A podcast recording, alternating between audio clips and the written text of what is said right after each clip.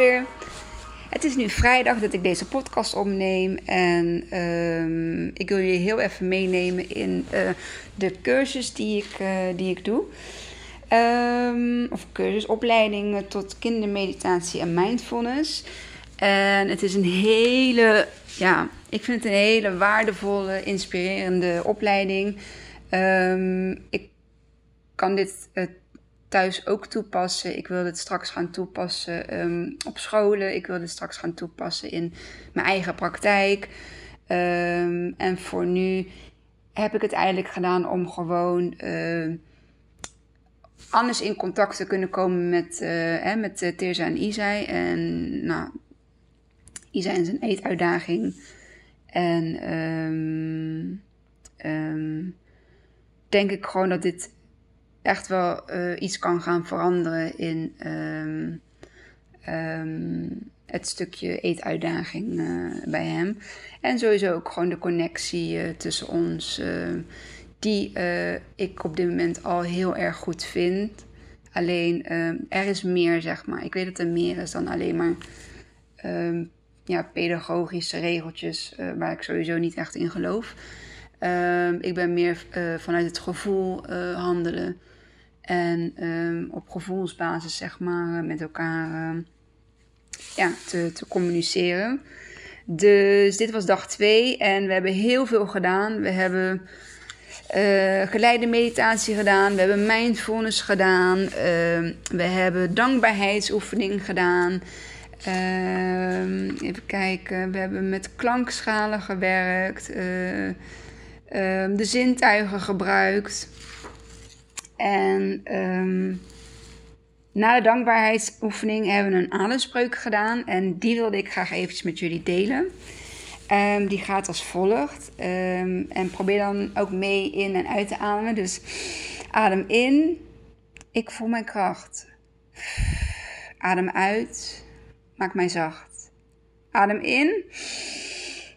Maak mij blij. Adem uit. Voel mij vrij. Adem in. Kom weer thuis. Adem uit. In mijn huis. Een prachtige uh, ademspreuk. En um, ja, om even gewoon weer um, die pauzeknop zeg maar te hebben ingedrukt. En vanuit je wilde apengedachten of, of, of uh, je emotie om even weer terug naar binnen te keren door drie simpele ademhalingen even weer uh, ja, bij jezelf te komen. Dus die wil ik graag met jullie delen. Uh, mijn insteek van deze tweede podcast, overigens allemaal dankjewel als je de eerste hebt geluisterd. Uh, hij was ja, de eerste 10 minuten vond ik het heel spannend. Dat zul je waarschijnlijk ook wel gehoord hebben. Dat heb ik in ieder geval wel teruggekregen van de twee mensen. Uh, mooi was dat ik een opmerking kreeg of een feedback kreeg van uh, je begon als een diesel. en dat klopt ook wel. Ik heb dat zelf ook zo ervaren. En um, ik heb hem zelf niet teruggeluisterd. Dat vind ik nog een beetje ja, awkward of zo. Ik weet niet. En um, fijn. Um, ja, dankjewel als je me hebt geluisterd. En ook dankjewel voor de hele fijne feedback die ik heb gehad. Ik doe dit natuurlijk gewoon omdat ik mijn verhaal wil delen en daarmee anderen wil um, inspireren of slash helpen.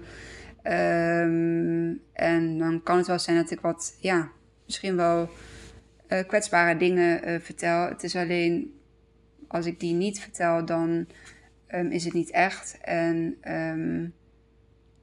ja, is het misschien een beetje uh, gek of vreemd of zo om bepaalde dingen uh, te horen. Uh, maar ze horen er wel gewoon bij. Um, dus ja, vandaar dat ik. ik ga niet altijd diep in detail gaan. Maar ja, sommige dingen wil ik gewoon wel gezegd hebben. Um, hoe ga ik dit doen? Ja, deel 2 zeg maar uh, van uh, mijn, uh, mijn reis in um, de eetuitdaging en het opvoeden en mijn waarheid. Um, in de vorige is natuurlijk al een beetje naar voren gekomen dat ik mijn band tot eten niet, ehm, ehm, niet helemaal goed was.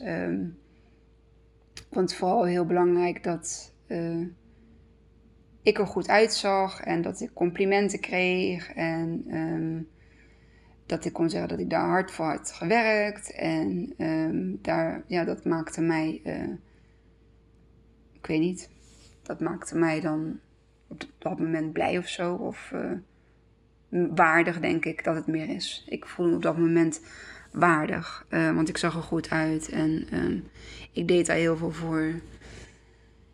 Die zwangerschappen daar. Um, ja, die werkte daar natuurlijk niet echt aan mee. Um, dus toen ik bevallen was van Teresa na het eerste jaar, na haar eerste jaar, ben ik weer uh, het, het, flink sporten en gezond eten ben ik gaan oppakken. Ik ben gaan trainen voor de halve marathon. Die heb ik in 2016, oktober, heb ik die gelopen. En een maand later werd ik zwanger van Isai. En dat is, uh, is wel een bewuste keuze geweest dat ik daar drie jaar tussen liet. Want um, dat heeft de kraamverzorgster die bij Teerza mij, uh, ons kwam uh, helpen, heeft mij die tip gegeven van, joh, als je een tweede kindje neemt, doe dat dan over drie jaar. Want ja, ik heb het idee dat het bij jou ja, beter is of zo. Dat, dus ik heb daar wijs naar geluisterd. en inderdaad, er zit precies drie jaar tussen Teerza en Isa, 14 augustus en 23 augustus. Dus negen dagjes zit ertussen. En Isa's zwangerschap, uh, och, die begon heel misselijk. Ik ben tien weken misselijk geweest. En uh, ik ben tien weken naar de McDonald's gereden. Want dat was het enige wat mij uh, minder misselijk kreeg. Of frietjes, of nou, maakt niet uit. En um, bij 20 weken echo uh, hadden we een wat ja, verontrustende echo. Dus het hoofdje uh, scheen te klein te zijn. En vanaf dat moment heb ik me eigenlijk zorgen gemaakt um, om Isai, of het wel oké was met hem. En dat heeft daarna nog twee of drie echo's gedaan. Ook nog bij de gynaecoloog in het ziekenhuis. En die laatste echo die was uh, gelukkig goed. Um, ja, het liefste wat je wil is een hè, uh, gezond kindje en een onbezorgde zwangerschap. Maar eigenlijk is het vanaf dat moment niet meer echt uh, onbezorgd voor mij geweest. Daarbij sliep ik vanaf de eerste week al niet meer. Uh, een paar uurtjes per nacht. En um, ja, had ik ook nog de zorg voor Teerza. En Robert, die, die heeft een drukke baan. Dus over het algemeen kwam het merendeel op mij neer. Um, ik wilde ook voor Teerza zijn. Ik wilde haar ook de aandacht geven die ze, die ze nodig had. En ik wilde haar ook gewoon nog... of gewoon, ik wilde haar ook uh, opvoeding geven. En um, dus echt bewust de zwangerschap beleven zoals ik die bij Teerza heb beleefd, dat heb ik bij Isai niet. Dat is denk ik ook gewoon bij een tweede. Dan ben je zo druk in het ja, andere, um, dat je daar gewoon niet zo bij stilstaat. Mm, mocht ik het opnieuw doen, dan had ik dat misschien wel wat bewuster ook willen doen bij hem. Alleen ja, het is zoals het is. Um, Isai, die, uh, oh, ja, de bevalling die uh, liep anders dan bij Teerza. Op zich wel um, beter qua ja, uh, weeën en ontsluiting. Overigens begon bij mij de bevalling toen ik juist een nachtje ging slapen met medicatie in het ziekenhuis. Dus twee uur nadat ik de medicatie had gekregen, begon bij mij de bevalling. Uh, dat was minder handig, want ja, ik was in een slaperige uh, gesteldheid en afijn. Um, kijken, toen is Isai um, ter wereld gekomen, ook niet zonder slag of stoot. Toch ja, een heftige uiteindelijke bevalling geweest. En um, Daarna is hij uh, dysmatuur, uh, hij was dysmatuur toen hij geboren werd, maar hij kwam best wel snel op zijn geboortegewicht.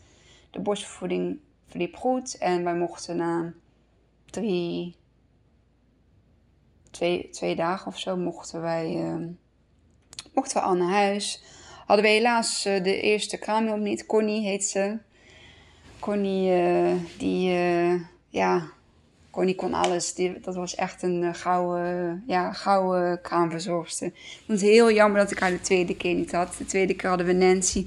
Was ook heel lief, maar ja, het was Connie niet. En, maar Connie die kon vanwege medische uh, redenen kon ze toen op dat moment bij ons niet komen. Het was wel de bedoeling, maar er was uh, ja, waar iets gebeurd waardoor ze helaas niet kon komen. Gelukkig is ze zelf wel goed hersteld. Um, en toen was daar de, de, de kraamtijd zeg maar, van Isai. Um, ja, ik, dat is. Um, was ook anders dan bij Teerza. Um, je had ineens twee kindjes waar je de verantwoordelijkheid voor doet. En die had ik voor Teers natuurlijk al uh, uh, drie jaar. En uh, voor Isai um, was het ook. Die kwam zeg maar gewoon mee um, in, het, in het gezin. En ik ben toen wat langer thuis gebleven dan bij Teresa. Dus ik heb ook gewoon lang de borstvoeding kunnen geven eigenlijk een beetje zoals ik het voor ogen had. Ik hoefde ook niet meer naar Eindhoven. We waren inmiddels uh, verhuisd weer van werkplek Eindhoven naar Rukven. Dus ik zat ook weer dicht bij huis. Um, toen ik ging werken was Robert nog even thuis. En het was denk ik februari. Hij is augustus geboren. Ja, februari ging hij naar de kinderopvang. En Tessa ging daarmee naartoe. Die zat eerst bij de gastouder in verband met mijn vroege werktijden. En uh, die zijn per februari uh, zijn ze toen allebei naar uh, de kinderopvang gegaan. Wat grotere groep. Wat meer um, ja, kindjes, sociale kindjes of sociale activiteiten om zich heen. En um, Isa die was in het eerste jaar was die wat meer ziek, zeg maar. Of wat vaker ziek dan dat ik herkende dan bij Teersa. En um, ik ging overigens ook na de borstvoeding, ging ik ook weer um, best wel snel uh, weer sporten, veel sporten. Ik ging mijn voedingspatroon ook weer aanpassen, want ja, na de borst, tijdens de borstvoeding mag je niet uh, lijnen of afvallen of um, is het de bedoeling dat je ja, gezond eet. Dus dat heb ik toen ook gedaan. Maar zodra de borstvoeding klaar was, uh, ja, ben ik daar. Uh, ben ik weer terug naar mijn oude eetgewoonte gaan. Um, ben ik gaan uh, intermittent fasten. En dat is eigenlijk in een blok van 18 uur. Nee, 16 uur. 16 à 18 uur niet eten en dan 8 tot 6 uur wel eten. En in dat tijdsbestek eet je gewoon, uh, afhankelijk van hoe je sport, eet je de koolhydraten, eiwitten, uh, zeg maar, afgestemd op, uh, op, op, ja, op jou. Um, en dat heb ik een tijd zo volgehouden. Ik ging drie, vier keer in de week sporten. Ik paste mijn voeding er helemaal op aan. En ik was weer vooral heel erg gefocust op uh, ja, afvallen en uh, er goed uitzien. En um, was een soort van dat. dat, dat, hè, uh, die band tot eten was weer um, wat, wat ik nu zie minder gezond, zeg maar. Um, Isai die, is, um, die heeft in december had hij het RS-virus opgelopen. En uh, daarna ging het uh, qua luchtwegen en zo was hij best vaak verkouden, best vaak ziek. Um, hè, anders dan dat ik uh, bij Teersa gewend was. En het was mei, nee sorry. Jawel, mei 2000, nee nee, maart 2000.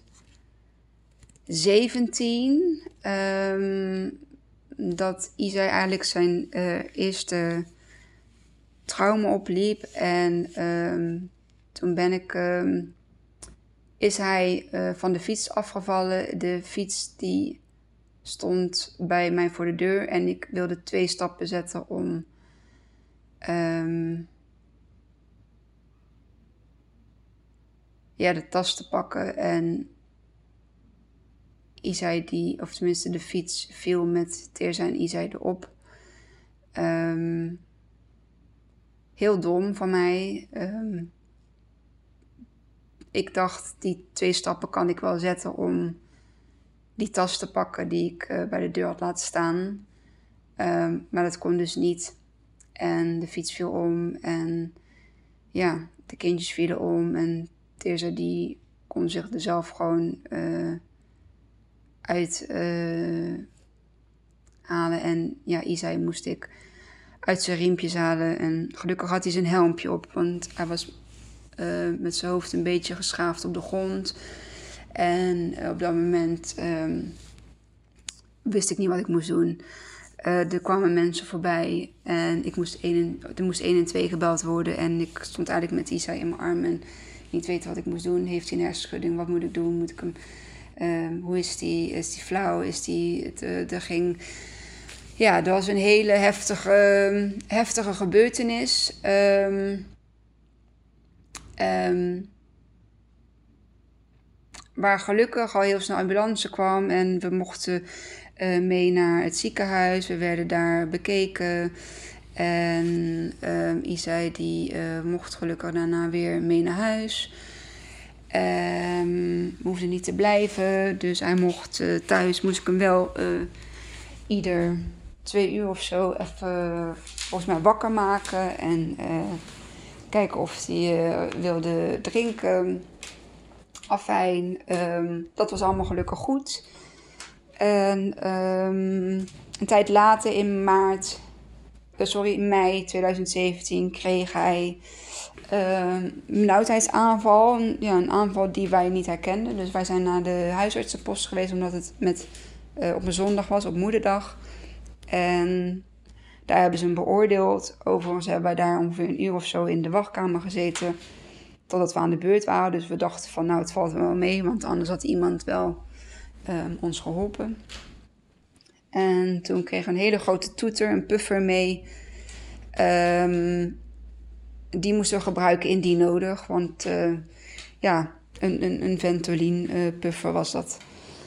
Ja, indien nodig, oké. Verder geen opvolging of iets. En wij super onbekend natuurlijk met uh, luchtweginfecties en het gebruik van een puffer. En de, de pomp die ervoor was meegegeven was ook geen kinderpomp.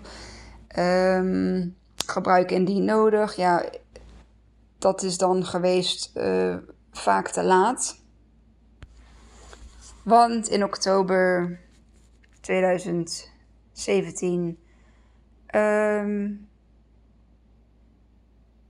is Isai um, um, heeft hij nog een tweede benauwdheidsaanval gehad. Zijn we met hem naar de huisarts gegaan en bij de huisarts aangekomen bleek um, Isai zo'n enorme aanval te hebben dat we hem daar met een puffer of iets anders niet, of tenminste met een puffer die we hadden, dat we hem daar niet eens meer uit konden redden.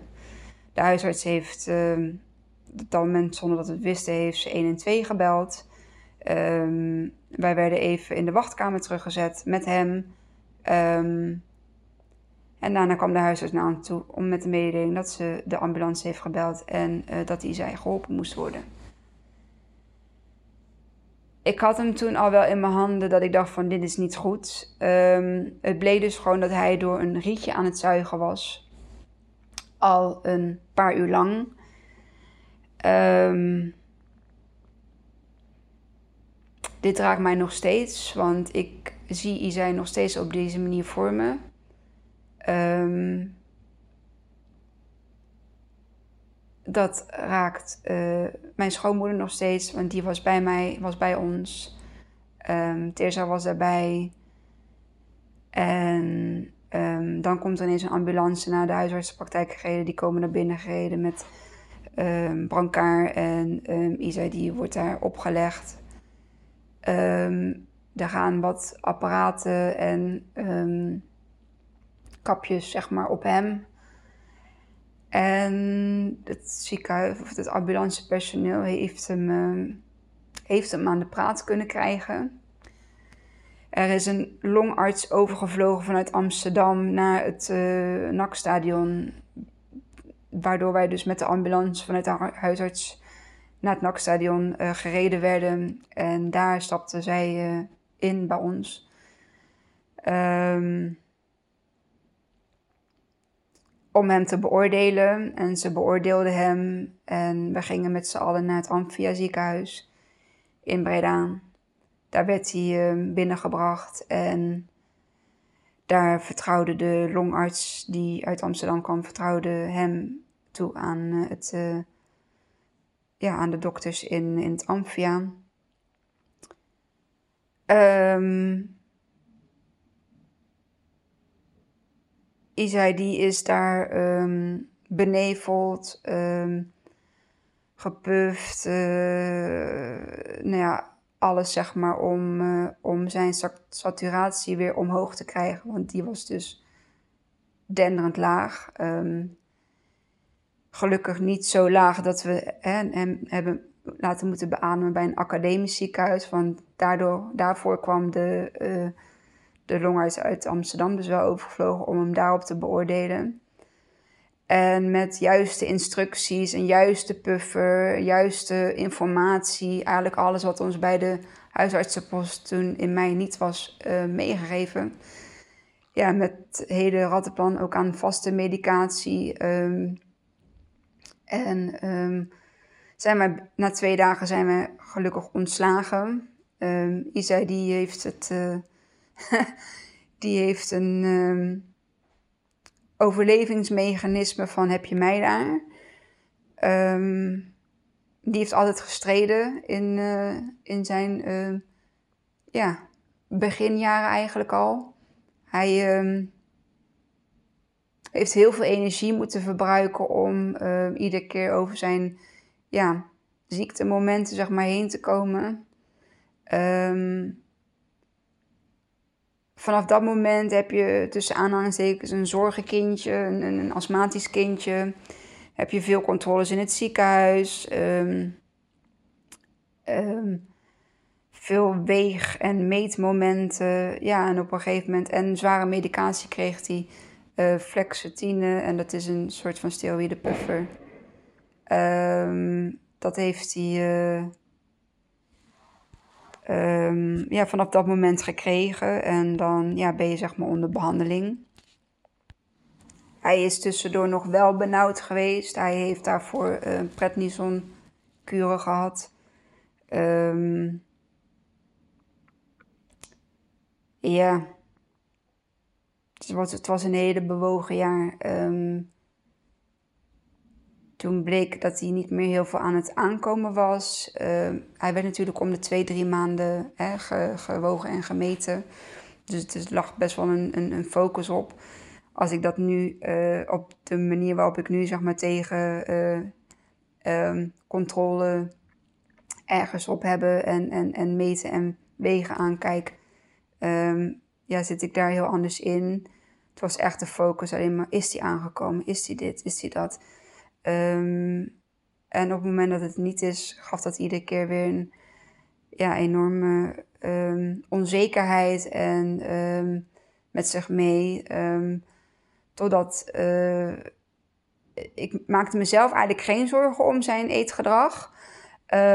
want het was, hij at wel gewoon. En Alleen toen met die medicatie en alles en met het vele ziek zijn, heeft het, uh, is het voor hem niet echt veel beter geworden, uh, zeg maar, voor in de, ja, in de groei, zeg maar.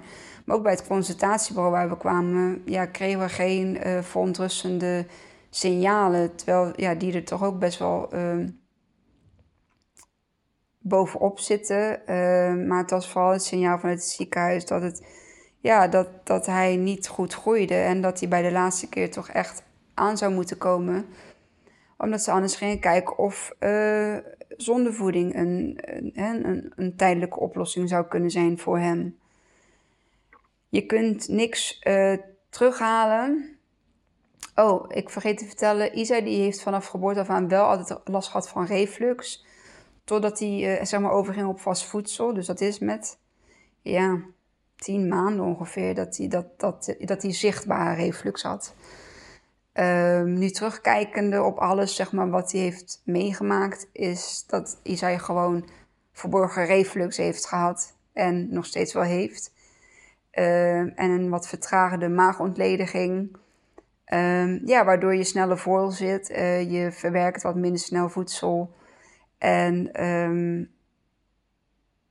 ja, als wij deze bevindingen eerder hadden gehad, dan was hem een hoop, denk ik, medicatie en leed bespaard geweest. Um, maar je weet het niet.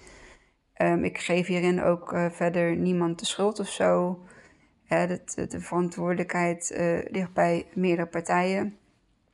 Ook eh, wij. Het is alleen, ja, dat, als je dat niet weet en als je, ja, je weet de meeste dingen toch pas achteraf. maar er zijn wel dingen die ik mee kan nemen in ja, straks ook het helpen van andere ouders uh, met betrekking uh, tot het stukje ja, eetuitdaging uh, bij kinderen. Hè, dat je een paar dingen kunt onderzoeken van tevoren voordat je zeg maar andere volgende stappen gaat nemen. Um, nou, Isai die was mee op vakantie. We zijn op vakantie gegaan. En um, ja, eten eten was voor ons een, niet een hele ontspannen moment meer geworden. Want we waren zo gefocust op dat hij wat moest eten. En um, er is zeker ook echt wel uh, flink aansporen geweest vanuit ons. Uh, maar het heeft, niet, um, het heeft niet gewerkt. En het, het zal ook nooit werken. Ik, een, een kind eet wel of een kind eet niet. Van die, daar ben, ja, die mening heb ik nu. En een kind bepaalt zelf of hij eet of niet. En um, het enige wat wij kunnen doen is hem het eten aanbieden. En hij bepaalt of het zijn mond ingaat of niet. Welke doos je ook um, um, opentrekt. dat, bepaalt, uh, dat bepaalt het kind echt zelf. Uh, ga dat niet forceren en ga daar geen hele strijd om, om beginnen. Um, dat gaat niet werken, dan moeten er gewoon ja, andere dingen misschien wel hè, met hulp uh, van een eetcoach of, um, of andere begeleiding. Bij misschien wel een eetteam of iets. Wees daar eerder bij dan eerst wat dingen uitproberen van zondevoeding en dergelijke. Ja, en wat ik zeg, probeer um, eerst heel veel andere uh, onderzoeken of oorzaken of iets, um, als dat lukt, om, om die dingen te gaan ja, uitzoeken en, of onderzoeken en eventueel uitsluiten. Isai die was niet aangekomen bij de meting in, uh, in oktober. En toen hadden we eigenlijk weinig keus, want de arts die gaf aan, dan krijgt hij krijgt hij toch een zonde, neusmaagzonde. En dan gaan we hem hier een week observeren. Uh, daarvoor heeft hij trouwens allemaal uh, dingetjes van de diëtist. Ook daar tips en van die, van die calorieën, astronautenvoeding. Ehm, die je dan in het eten kon verwerken. Of die hij zo moest drinken. Ja, zo moet drinken. Dat is helemaal geen, geen pretje. En niet weten dat hij toen reflux had. En het is dus met reflux moet je gewoon heel goed oppassen met vet, uh, hè, vol vette voedingsmiddelen of dranken. Want die maken het, die kunnen het maagzuren, kunnen het zeg maar verergeren. En dat is dus iets wat wij niet wisten. Dus wij lieten hem heel veel, omdat hij moest aankomen, moest hij heel veel vette dingen tot zich nemen. Ja, niet wetende dat dat bij hem juist uh, dat reflux, zeg maar, veroorzaakte of verergerde. Um, de zonde ging erin.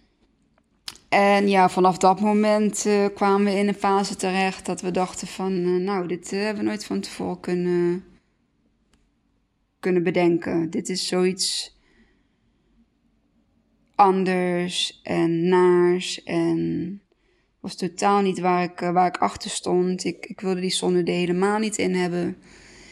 Ik um, wilde hem niet de zondevoeding geven. Ik wilde hem niet als hij moest overgeven, weer terug de zonde aansluiten, of het apparaat aansluiten en hem weer melk geven. Waardoor hij weer ging overgeven. Dit zijn oktober tot maart waren vreselijke maanden met veel um, leed voor Isai. Uh, veel um, um, moet ik dat zeggen? Onwetendheid bij uh, Robert en mij en ook um, de, uh, de opvang en uh, mijn schoonmoeder die hem zondevoeding gaven. Ja, je krijgt een apparaat in je hand gedouwd en hij heeft deze calorieën nodig. En dat moet hij per dag binnenkrijgen. En hij moest ook s'avonds van 8 tot 12 moest hij zacht inlopende zondevoeding in de nacht. Um, dus eh, je, je, je slaapt eigenlijk niet uh, tot 12 uur of je valt wel in slaap in. Je zet je wekker om 12 uur om het apparaat uh, af te koppelen en de zon door te spuiten. Ja, nee, het was echt een vreselijk half jaar. Vanaf december werd Isai uh, steeds zieker. Hij begon van een paar keer overgeven in de week. Was het na iedere dag, was het na een paar keer per dag. Wij hebben diverse malen met de huisartsenpost uh, spoedeisende hulp, de, de, de, zeg maar de noodtelefoon om de kinderafdeling van het ziekenhuis, daar mochten wij mee bellen. En uh, met de kinderthuiszorg belden wij, met de huisarts belden wij. Er was niemand die ons uh, op dat moment kon helpen. Ja, het hoort erbij. Ja, zolang er geen bloed bij zit, of als er een beetje bloed bij zit, ja, kan er geïrriteerde slokdarm zijn. Um, het, het, zuur opmeten vanuit zijn maag. En dat was meestal gewoon, de pH-waarde daarvan was altijd goed. Um, kortom, uh, van december tot maart uh, echt gewoon, ja, een hoop uh, ellende, zeg maar, geweest. En tussendoor wegen en meten en na die tien dagen uh, eh, 600 gram aankomen in ziekenhuis bleef ook zijn gewicht uit in de metingen daarna, ondanks de zondevoeding. We waren met de puffer een stapje afgebouwd, zeg maar, met zijn vaste ontstekingspuffer. En daar moesten we in januari weer mee omhoog, want het kwam vast door het hoesten dat hij uh, uh, zoveel moest overgeven. Dus we waren weer van 50 naar 100 microgram gegaan. Tot in maart hij weer uh, in de nacht uh, moest overgeven en bloed overgaf. En toen is de ambulance gebeld. En toen uh, waren we in het ziekenhuis. En toen heb ik gezegd: Ik maak mij niet uit hoe jullie het gaan oplossen, maar dit gaan jullie oplossen. Want wij lopen al een paar maanden met deze, um, hè, deze complicaties. En niemand luistert naar ons. Um, nu zien jullie dat dit nu zo moet gebeuren. En nu zijn jullie bereid uh, om te luisteren. Dus um, het maakt me niet uit ja, hoe jullie het gaan doen, maar het gaat opgelost worden. En vanaf dat moment gingen er wat uh, mogelijkheden, lijnen, artsen, uh, dingen open. Ik heb Isai sowieso laten in uh, via de, het ziekenhuis laten aanmelden voor de eetpodie. Inmiddels waren we ook via de vereniging Nee Eten bekend daarmee geraakt. En uh, wisten wij dat er veel meer moest gebeuren dan, uh, dan een zonde erin douwen. want zijn eetlust, zijn eigen eetintake is sinds december ook gestopt. En waarschijnlijk is dat gebeurd omdat hij continu moest overgeven. Misschien stond zijn maagje, slokdarmpje wel de hele, hele tijd in brand. Misschien is het... Um, de benauwdheidsaanval geweest hè, van tevoren, waardoor hij minder goed kon eten. Maar misschien kwam de benauwdheidsaanval wel door de reflux die hij eigenlijk had. Weet je, de oorzaak is gewoon bij hem niet zozeer meer uh, aan te wijzen. Het kunnen verschillende factoren zijn. Het hangt ook af van verschillende factoren. Het is uh, trauma geweest. Het is um, wij die daar niet goed mee om konden gaan. Of het, dat niet goed konden lezen bij hem. Uh, dat is geweest. Um, het is um, alles bij elkaar eigenlijk geweest. Isa die werd getest in het ziekenhuis. Er werd nog een keer op celiakie. Uh, nou ja, goed, alle andere soorten dingen. Er ging een traject in van een uh, erfelijkheidsonderzoek. Uh, dat het misschien toch geen andere onderliggende reden had waardoor hij niet aankwam en niet kon eten. Um, uiteindelijk is er een maagbacterie gevonden, de Helicobacter pylori bacterie.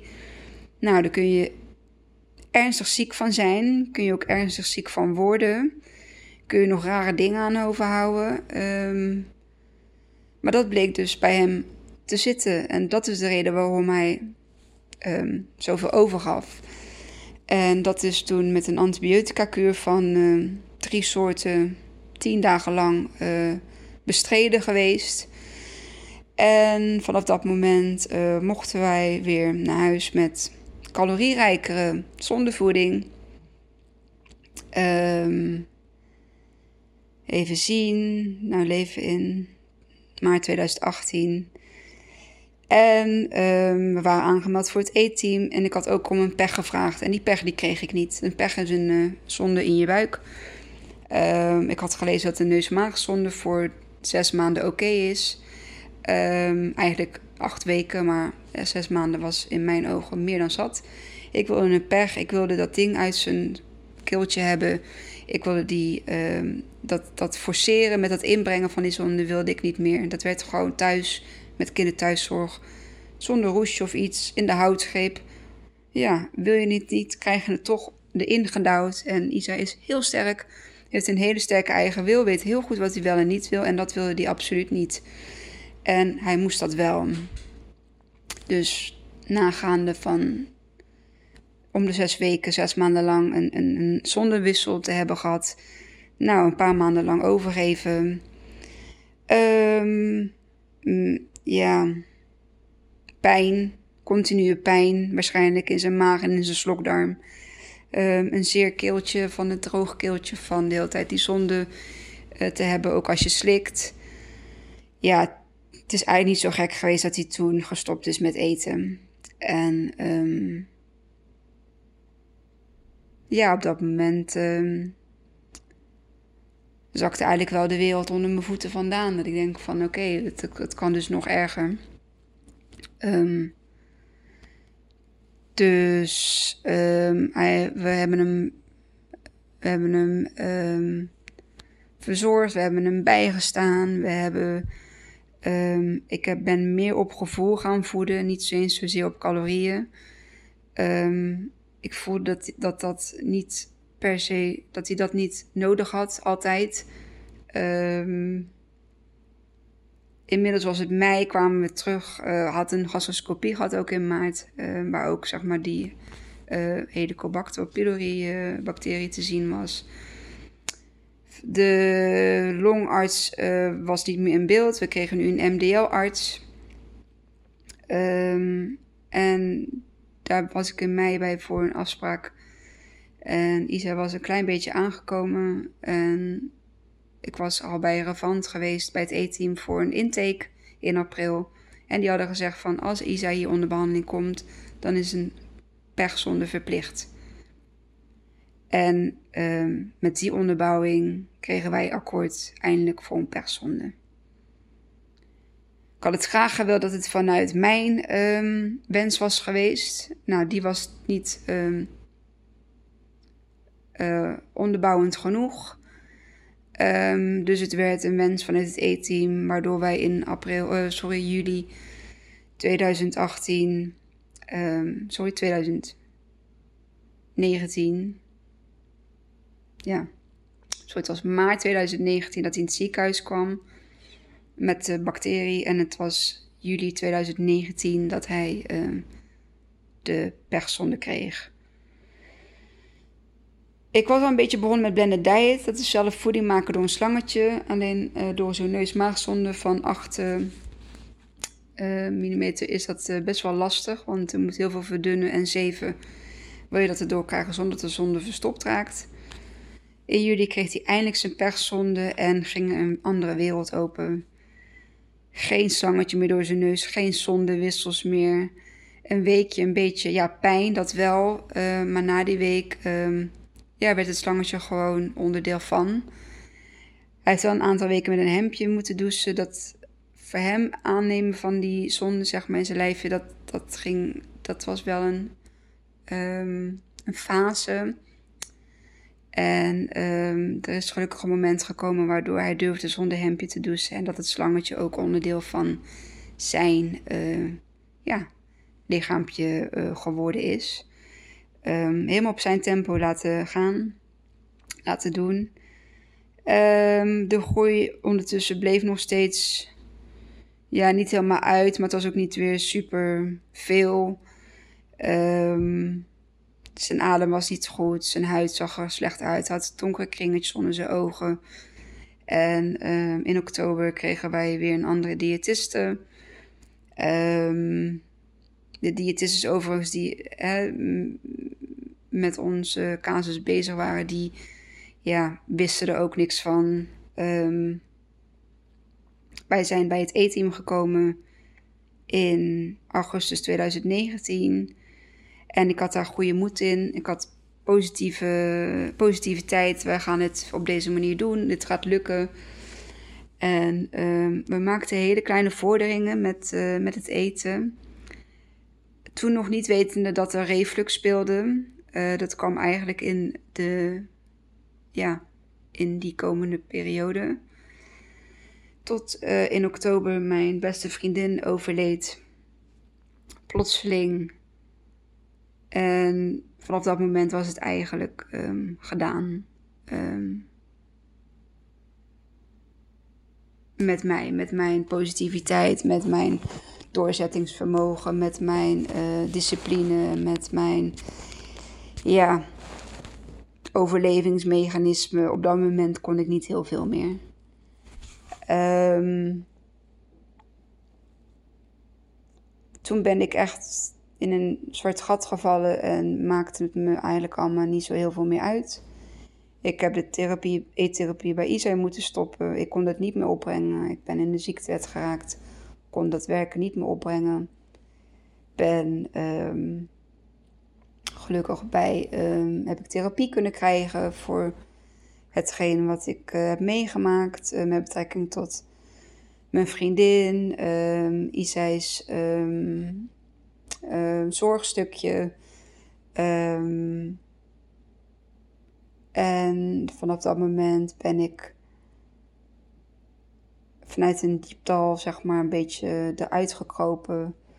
Ik heb therapieën gehad. Ik ben uh, naar um, zelfontwikkelingspodcasts uh, gaan luisteren. Ik uh, heb me daar heel erg in verdiept. Ik ben heel snel van heel zwart negatief naar positief um, aanpakken. 2020 gaat mijn jaar worden, heb ik gezegd op uh, de jaarwisseling.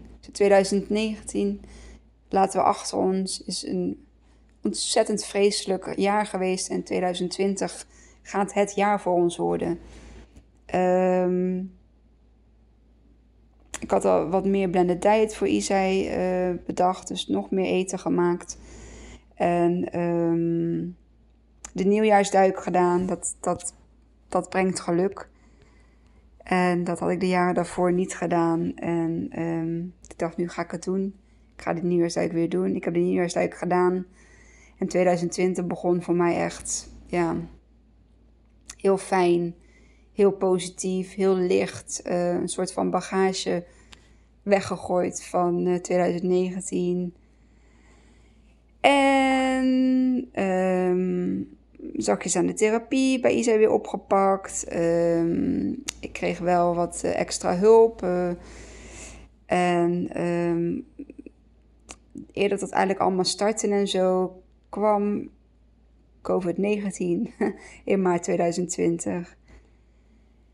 En toen begon alles echt te veranderen. COVID-19 heeft mij zo de ogen doen openen in een manier dat ik dacht van als deze dingen allemaal niet gebeurd waren, dan was ik nu niet deze podcast aan het inspreken. Het heeft mij zoveel positieve, waardevolle inspirerende, eh, ehm, warme, liefdevolle eh, dingen gebracht. Uh, ja, nooit gedacht dat ik op die manier naar alles ging kijken. En um, daar ga ik het nu even bij laten. Dit zijn 45 minuten weer heel veel dingen verteld. Um, En um, ja, goed. Dat is het even voor nu. Ik blijf, ben dus gebleven bij uh, COVID-19, maart 2020. Um, een nieuw tijdperk uh, breekt aan voor mij, voor mijn gezin, voor mijn kindjes, onze kindjes natuurlijk. Um, de therapie, de band tot eten. Um, de band tot dierbare familie, vrienden, collega's. Ja, dit, uh, dit, is een hele positieve verandering uh, voor mij geweest. In de volgende podcast um, ga ik daar graag weer meer over delen. Ook over mijn stukje, ja, misschien ook wel therapie. Um, de, hè, de dingen die ik heb gedaan om wel tot dat stukje te komen. Um, dus ik wil je nu uh, belangrijk. ik wil je nu uh, bedanken voor het luisteren naar deze podcast. Ik ben ook erg benieuwd naar wat je van deze podcast vindt. Hij is ook wel weer kwetsbaar. Ik heb um, weer een stukje gedeeld um, over de reis, de eetuitdaging en ja, mijn waarheid.